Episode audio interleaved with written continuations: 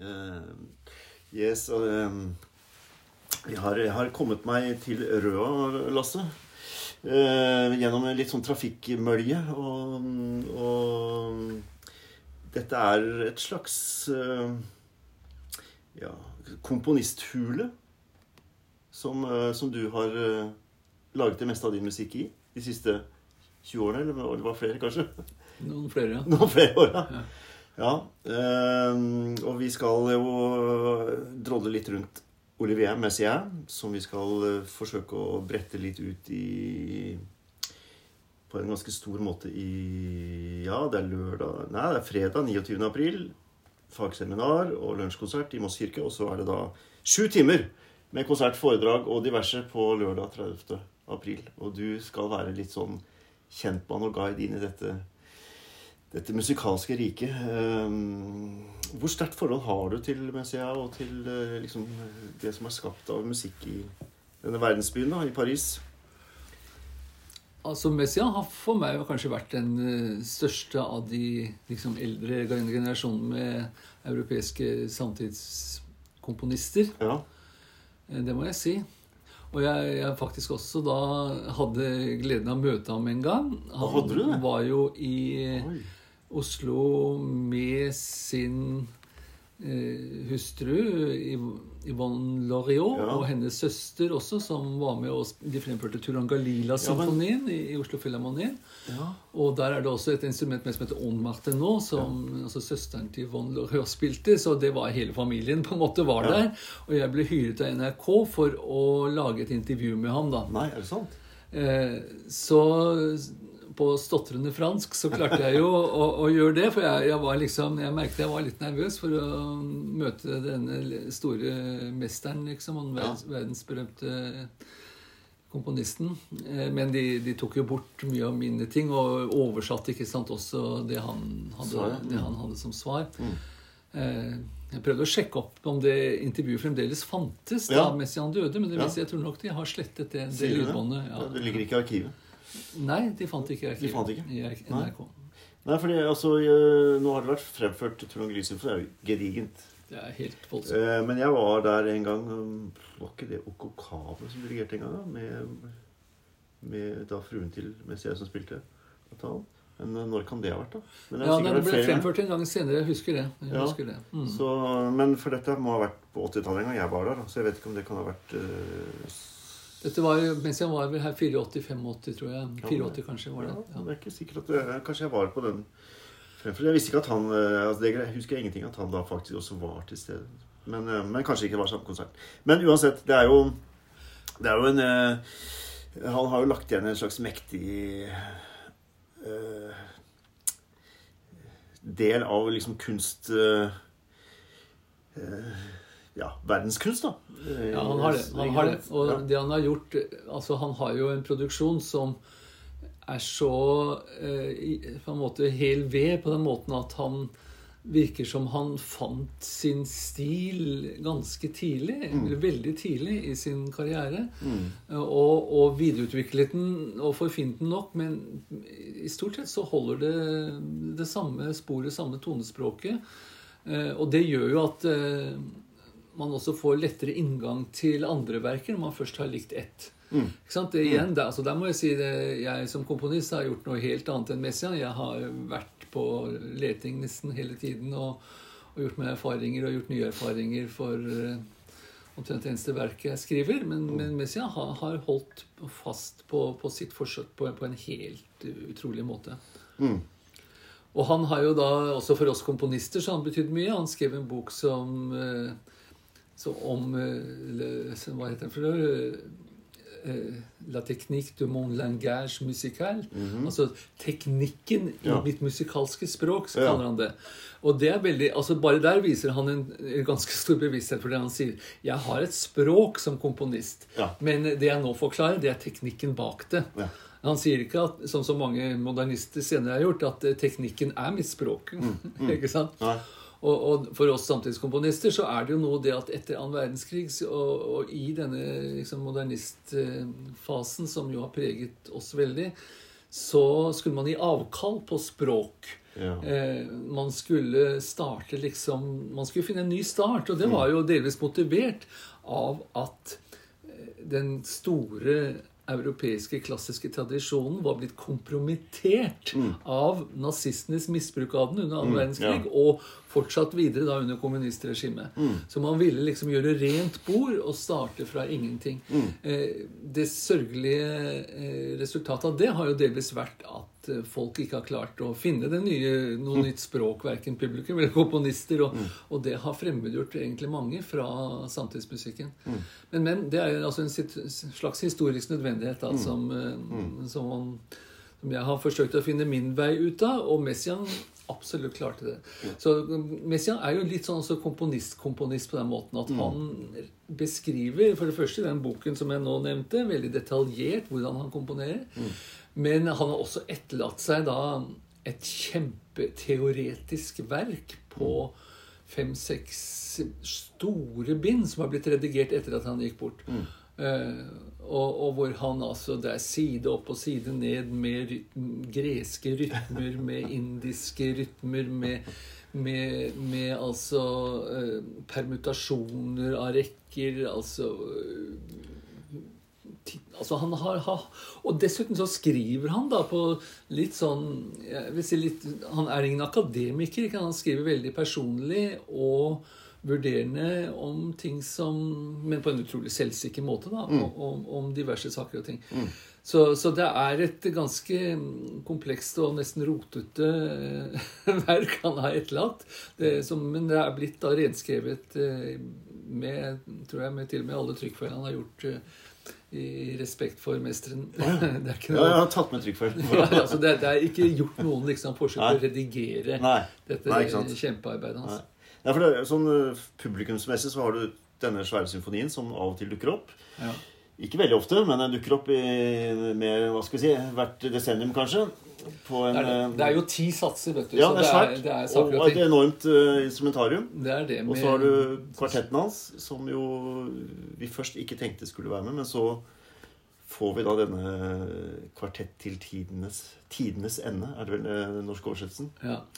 Som er, altså, som er skrevet i fangenskap, i konsentrasjonsleir, eh, og av Messier, som satt der sjøl. Og han spilte sikkert av piano.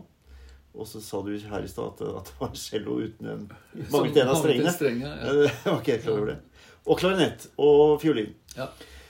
Og vi får det som et avslutningsverk på lørdag 30. april mot midnatt. Og som på en måte da også da rommer liksom den situasjonen vi lever i nå i verden. Eh, som, og dette stykket, dette kammermusikkstykket, er jo spilt ganske mye, egentlig. Det er jo en av de mest spilte verkene til. Messia. Ellers så var han jo veldig sånn bruksmusiker. Altså lagde musikk for messen og for eh, kirka og i sin kirke i Paris. Og, og Han gjør jo det. Improviserte og du kan si det, det kammerverket han da gjør med et religiøst tema, det var jo Altså, han brakte jo de religiøse temaene tilbake inn i konsertsalen, og Ja. det møtte han jo massiv kritikk Ja. for i Frankrike, som jo har en laik, ikke sant? En, en legmannslov som sier at det ikke skal være en presentasjon av religion i det offentlige rom. Så han fikk jo skikkelig juling for, for, for, for det, da. Men han, han sto det jo gjennom, for å si det sånn. Ja. For det er veldig spesifikke titler og, ting som er knyttet til, til bibeltekster og, og kirkeår og Det er det. altså Han kom jo både med bibeltekster og personlige tekster og tekster fra, fra ikke minst Thomas Aquinas osv. Så, videre. så han, eh, han sier jo selv at det er tre store temaer for hans musikk. Og det ene er hans katolske tro. Det er på førsteplass. Og så er det Tristan-myten. Altså dette, ikke nødvendigvis bokstavelig talt myten om Tristan og Isolde, men denne altså store kjærligheten som fører til død for, som offer. Og, og det tredje eh, temaet, det er fuglene, altså. Og det er det med fuglene, for det syns jeg er- det er jo sånn sett mulig å hekte seg på for folk flest og skjønne at uh, fuglene betyr mye i hans de betyr, musikalske verden. det betyr veldig mye. Jeg husker Da jeg intervjuet ham, så spurte jeg betyr det veldig, er det veldig viktig for deg at, at folk vet hvilken fugl som synger til enhver tid. Ja. Så sånn, Nei, nei, det er ikke så viktig. Det er jo til syvende og sist mus musikk. Men, men altså, det gir jo en tilleggsdimensjon. Det er akkurat som om de også skjønner hva, hvilke bibelsitater osv. Ja. Men man trenger ikke det for å ha glede av musikken. Nei, nei.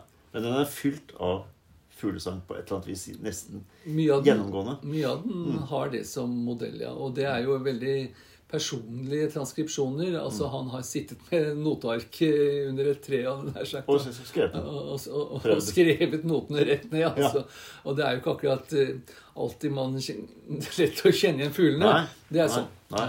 Men det er en slags jeg vet ikke om det er riktig ord, men en slags naturmystikk også, kanskje, i, i noe av eh, opplevelsen av musikken hans. Jeg tror nok at fuglen eh, representerer eh, liksom åndselementet på noen måte. Det er jo, men fuglen er jo en slags metonym for luftelementet, og dermed ånden, ikke sant? Og fuglen stiger, som jo er et eh, element av, av bønn i det, ikke sant? For det er bønnen stiger, eller det er et element av eh, liksom nåden eller helligånden som stiger ned gjennom f.eks. duen som stiger ned over over Jesus osv. Så videre. så, så og når han da Han har jo også ja, laget en, en mastodontopera Ja, Frans. eh, over Frans Assisi, og der er det klart, der har han alt. Der har han både katolisismen og fuglene som synger på fransk. Ikke sant? Ja, og Så det, det, var, eh, liksom, det var en slags lissepasning til å lage en opera sikkert for han. da. Jeg har aldri hørt den.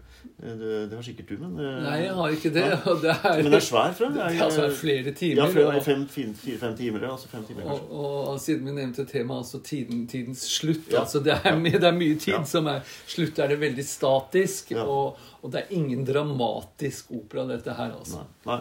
Og vi skal jo ha Frans av Assisi-skikkelsen i, i kirka denne dagen. Eh, Altså, vi får en eh, skulptur som er laget av Ragnhild Burtensjø, som er, som er altså, kunstner og har laget flere skulpturer. Blant annet St. Olav, som står utenfor eh, St. Olav kirke i Oslo.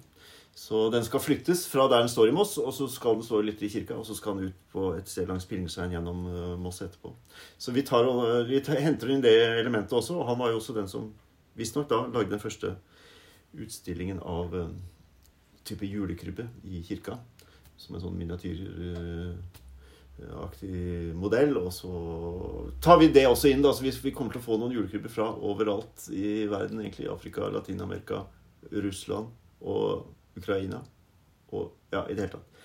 Fordi Frans-skikkelsen, og fordi vi har da La Nativité, altså dette svære orgelverket, Ja. eh, også inn i bildet, som er om eh, Jesu fødsel. Så, så vi prøver å bruke mange ulike elementer. Så får vi se om det gir noen, eh, hva skal vi si, noen flere innfallsvinkler til å oppleve musikken. da. Men, um, men jeg opplever at, at det er noe i musikken din også som er noe Det er liksom noe på et eller annet vis noe slektskap her også. Litt sånn klang eh, Noe av det klanglige som også du jobber med, og som er eh, også for meg veldig mye sånn naturmystikk. Da. Jeg, det er ikke sikkert det er riktig ord på det, men, men jeg opplever at det er noe At det er noe fransk da, i din musikk. Jo, jeg, er det det? Ja, ja, ja, det er nok det. Jeg, jeg må nok innrømme det, altså. Ja. Ja. ja, det er først og fremst da Det begynte jo kanskje mest med at jeg ble veldig opptatt av den såkalte spektralmusikken, som Ja. f.eks. Tristan Muray og Gérard Grissé var jo da i forfront der. og Jeg inviterte dem til Norge osv. Men jeg fant jo tilfeldigvis den musikken når jeg var på besøk i Frankrike. Og jeg var der for å forelese på konservatoriet der, i klassen til Pierre Schaeffer, som, som eh, jo var den som oppdaget eller begynte å lage den musikken for lydbånd, ikke sant? hvor man kunne lage musikkstykke ut av lyden av et lokomotiv eller en kasserolle og alt dette her. Så, så, og etter hvert utviklet en stor uh, musikkteori rundt dette med lyd og lydopplevelse, som har vært liksom basis for veldig mye av også min musikalske tenkning. Jeg har skrevet en tjukk bok selv som heter uh, 'Emergent Musical Forms'. ja. Uh, som eh, er veldig, som del av det auditive sonologiprosjektet mitt. Mm. Eh, Når du sier spektralmusikk, hva, hva, hva, hva ligger i det begrepet? altså, det det, det, ligger i det at man det, det, som ligger i spektral, er jo at enhver lyd har et spektrum. Det vil si at vi hører f.eks. et instrument som har én to, tone, og sier ja, det er en C, en D, mm. men selve klangfargen rommer en hel mengde tilleggstoner som ikke er hørt separat. Altså Organister vet jo veldig mye om dette når de da trekker ut miksturer og, og, ja. og, og så videre, som man både kan instrumentere en klangfarge ved å mm. sette til høyere mm. eh, frekvenser over en grunntone. Mm. Eh, men eh, så har man jo da funnet formelen for dette. altså Den harmoniske overtonerekken har jo sin, men når man da lager en algoritme ut av det, og man begynner å mekke med den, så får man flere sånne spektrale klanger som ikke nødvendigvis er harmoniske, men også har sin egen lovmessighet. Mm. Og, og, dette var jo da en av de tingene som definerte spektralmusikkene. Det andre er et visst sånn litt mer repetitivt, mm. men varierende formmodell som, som de dyrket. Og, og, det interessante er at alle de som begynte med den spektralmusikken som oppsto på slutten av 70-tallet, begynnelsen av 80-tallet, var jo elever i Messians analyseklasse ja. i Paris. Uh, og Messian er veldig inne på dette. Og det er faktisk ganske interessant at Messian var her og jeg intervjuet ham, så, så spurte jeg ham Eh, hva tror du har vært den viktigste musikalske utviklingen i Europa nå i vårt århundre? F.eks. tolvtoneteknikken. Tror du at den var eh, sentral? Så, mm. nei, nei, jeg tror ikke tolvtoneteknikken var så viktig. Det som er viktig, sier han, er eh, det som vi har funnet ut gjennom bruk av de elektroniske midlene, sier mm. han. Mm. Nemlig det at vi har fått et begrep om lydens indre anatomi. Liksom At man kan åpne lyden som om mm. med, du åpner en organisme ved å ja, gå inn i den, eller tar, se, hva som, sant, se hva som er inne, mm. eller gå inn med et mikroskop ikke mm. sant, og se mini-mønstrene eh, altså mønstrene som befinner seg inni et fenomen du liksom bare tror er det det, det er utenfra. Og det var ganske interessant, for at uh, Messiaen selv han skriver jo aldri Han har gjort ett verk for, for lyd. Og han, det? han har gjort det i Pierre Schäffers studio da, i, ja. i, 1953. tror jeg han gjorde det. Men det er ikke noe viktig verk. Og, og, men det røper, en del av hans tenkning, fordi at han planla det ved rett og slett å sette opp en tidslinje med varigheter som mm. fulgte et spesielt mønster av varighet. Mm. Altså, Messian har jo vært ekstremt opptatt av rytme. Rytme, sier han, i form av varighet. Han ja. sier Bach er ingen, han er en dårlig rytmekomponist. i Messia. Han er ikke interessert i rytme i det hele tatt, hvilket jeg vil være veldig uenig i. Men, men, men Messian tenker utelukkende på eh, rytme som varighet, ja. rett og slett. Og han der eksellerer han jo med varighetsrekker og, og argumentasjon og dimensjoner og, og speilvendinger og alt som er. Ja. Og han går så langt til seg som han sier at, at, det står i Bibelen at i begynnelsen var ordet, men jeg vil si i begynnelsen var rytmen, sier han. Ja, ikke sant. Ja. Og jeg husker at jeg, altså jeg Hvis jeg skal liksom prøve å beskrive messiansk musikk for noen som ikke vet hva det er, så for meg er det mye klangfarger, og så er det mye rytmer. Ja. Og så bare brukte jeg et ord som het rytmeshow. Da fikk jeg et sånt spørsmålstegn tilbake fra deg. Hva mener du med rytmeshow? Og jeg skjønte at det var et litt sånn uakademisk bruk av ordet. Men det er jo en sånn, en sånn rytmefest da, i messiansk musikk som er sånn der, det, det, det, det, liksom tar helt av.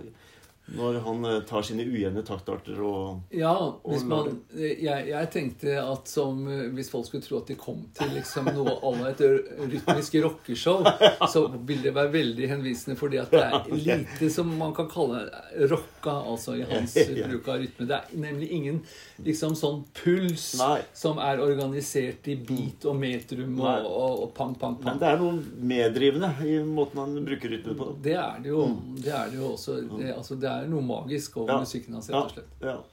Men, uh, men, hvor kommer Altså, hvor, hvor har, hvor har Messier hentet sitt språk fra? Altså, hvor, hvor, har han kommet fra, på en måte? sånn rent?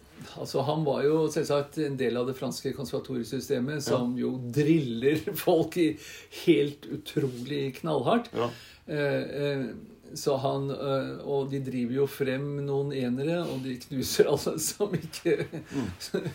når så langt. Mm. Han er jo en del av det. Selvsagt han ble øh, student hos øh, Paul Ducat, mm. som sant, skrev dette som de sier er glemt pga. ett eneste verk, nemlig 'Trollmannens lærling', oh, ja. som, som ble så populært. ikke sant? Og Ja. du kan se så selvkritisk han åpenbart destruerte veldig mye av sin egen produksjon. Han, liksom, Ja. han syntes ikke var godt nok.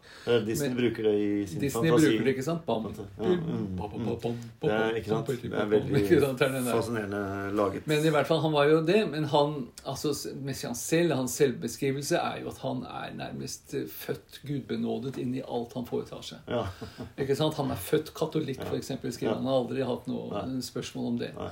Eh, og og eh, på, han eh, sier jo da på en måte at hans mor var jo dikterinne og skrev om hans fremtid nærmest profetisk mens han lå i hennes skjød osv. Så, okay. så, han, så, han, så han er liksom han, han er bare liksom Anser seg selv nærmest som helstøpper inn i den rollen han tar. ja.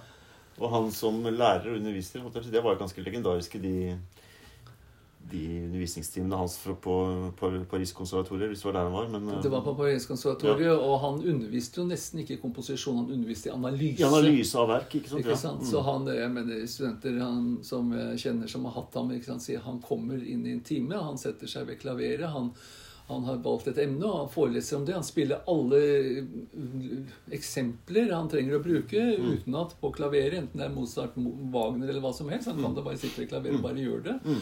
Og så takker han for seg, seg, og går, ikke sant? Ja. Eh, og, og går hjem og komponerer, ikke sant? Eh, så, så, sånn var livet hans. altså voldsomt Et natur, eh, ja, naturgeni, eller hva man kaller det. men jeg så jo da også en veldig interessant film om ham en gang. Altså fra hans undervisning. Han, han, han står ved en tavle og sier eh, Sånn skriver jeg eh, ta, altså rytmeverdien 1. Skriver, Og så skriver han da altså en 32. del. Mm. Eh, Et deux, j'écrive comme ça. han. Jeg skriver to som det, så kommer en 16 del. Og så fortsetter han sånn, helt Ja. pedantisk Ja. opp til 32, vet du. Det tar jo fire minutter mens han bare står der sånn skriver jeg det, sånn skriver jeg det, sånn skriver jeg det. Ikke noe særlig underholdningsverdi, kan man si. ikke sant? Ja, et cetera, et cetera. Nei, nei. Han skriver alt opp. Ja. Sånn. Og det, jeg mener, det er sånn også Han er drillet inn i dette selv, skjønner du. Så Ja. han kan se men dette er liksom Dette er 14 to 32 ikke sant? Ja. Det, det, det vet han sånn. Og så snur han seg da til eh, publikum, og så sier han på sånn veldig ettertrykkelig måte eh, Moi, je ne suis aucun mathématicien. Jeg er ingen matematiker, sier han. Les nombres sont froids. Numrene, altså tallene, er kalde, sier han.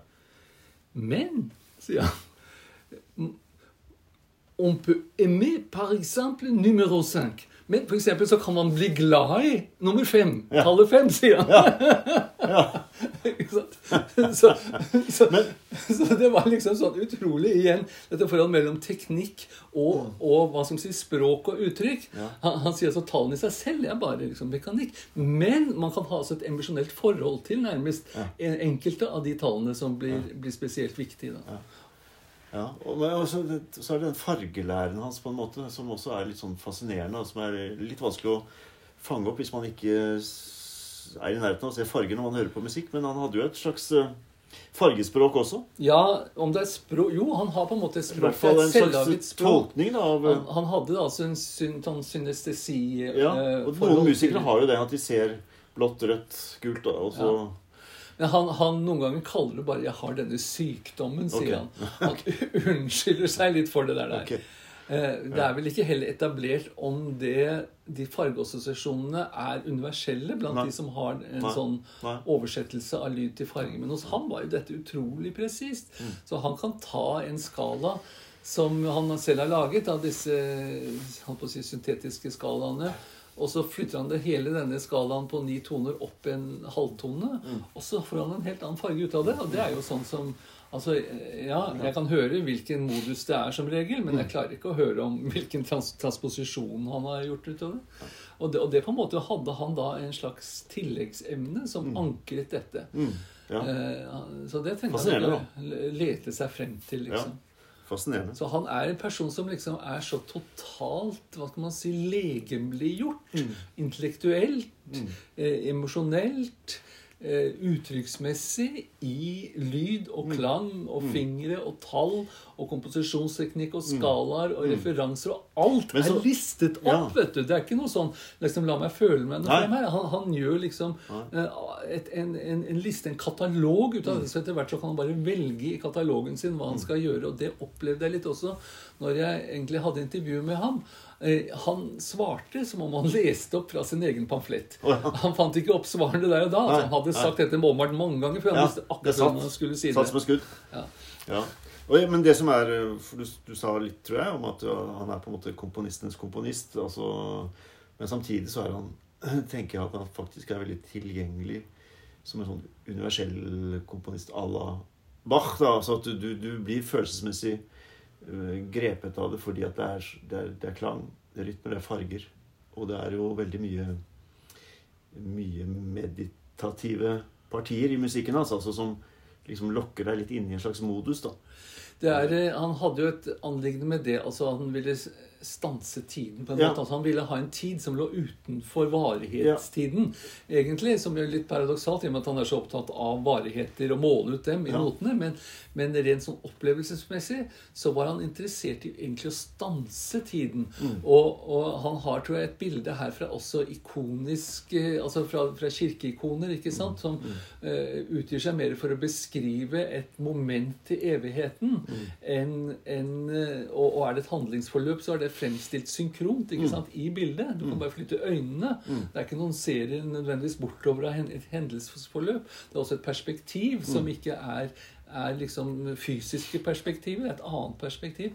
Og, og, og glassmalerier igjen er jo det store tingene igjen for, formessig. Ja. Men han prøver ofte da å lage Rett og slett ha stående et bilde eh, l- l- lenge nok til at det bildet blir innprentet, og for at man ikke skal miste oppmerksomheten på det, så flytter han og ommøblerer subtilt på små elementer i det, så den hele tiden fornyer seg internt, men helheten bare står der, og bare er der en god, god stund.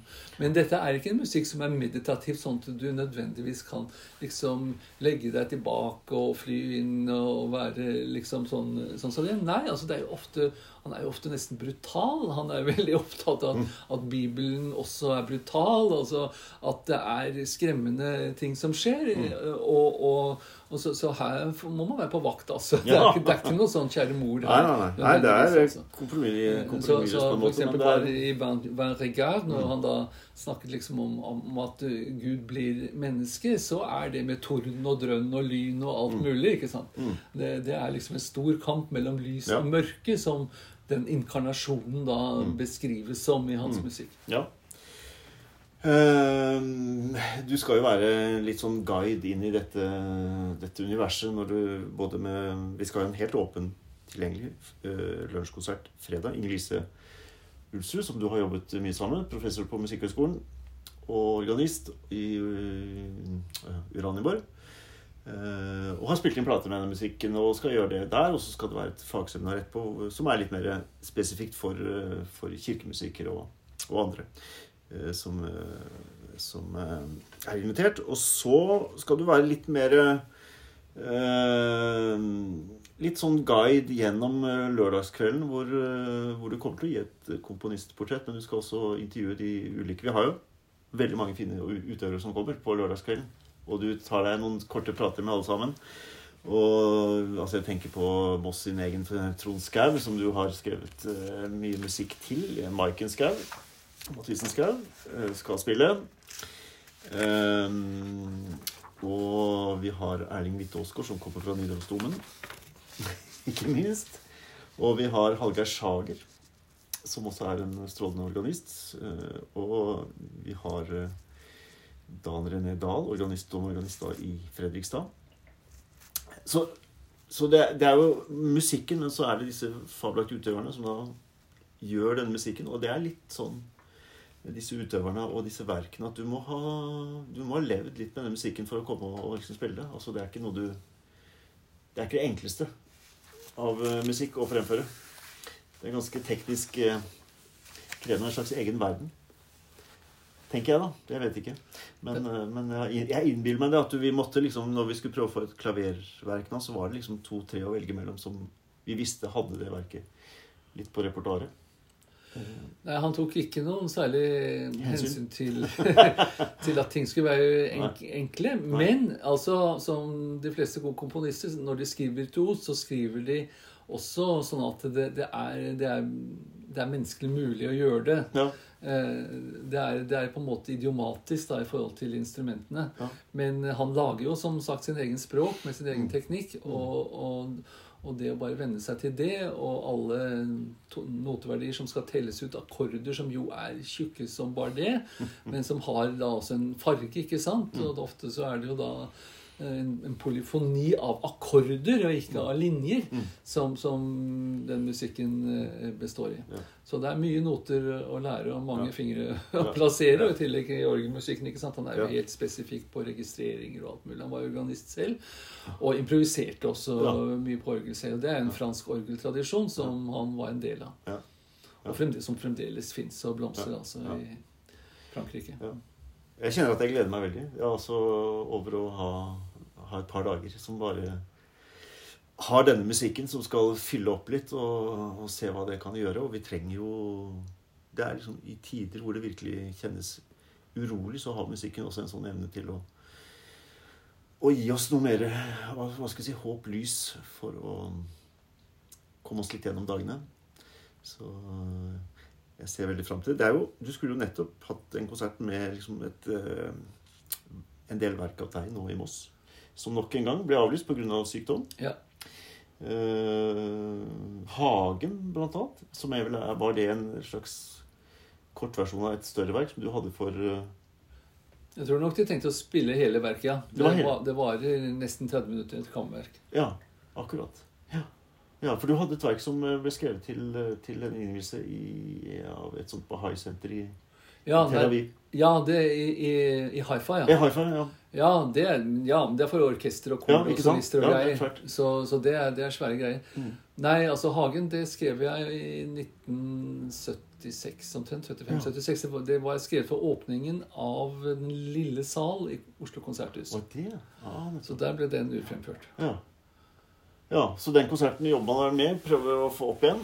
Eh, når- da jeg skrev det, så oppdaget jeg Det var jo på den tiden også jeg faktisk oppdaget da Messiaen og jeg oppdaget også noen av disse symmetriske modusene han rett og slett ved å prøve å, lage en kanon for meg selv som gikk i tritonusrelasjon. Og, og så la jeg sammen tonene, og plutselig så hadde jeg jo da en skala som er på en måte det som jazzmusikerne kaller for dim-skalaen. Ja. dette er jo modus 2 hos Messiaen. og ja. Så etter hvert så fant jeg opp tror jeg, nesten disse modusene selv før jeg mm, kom, fant referansene hos Messia. Ja.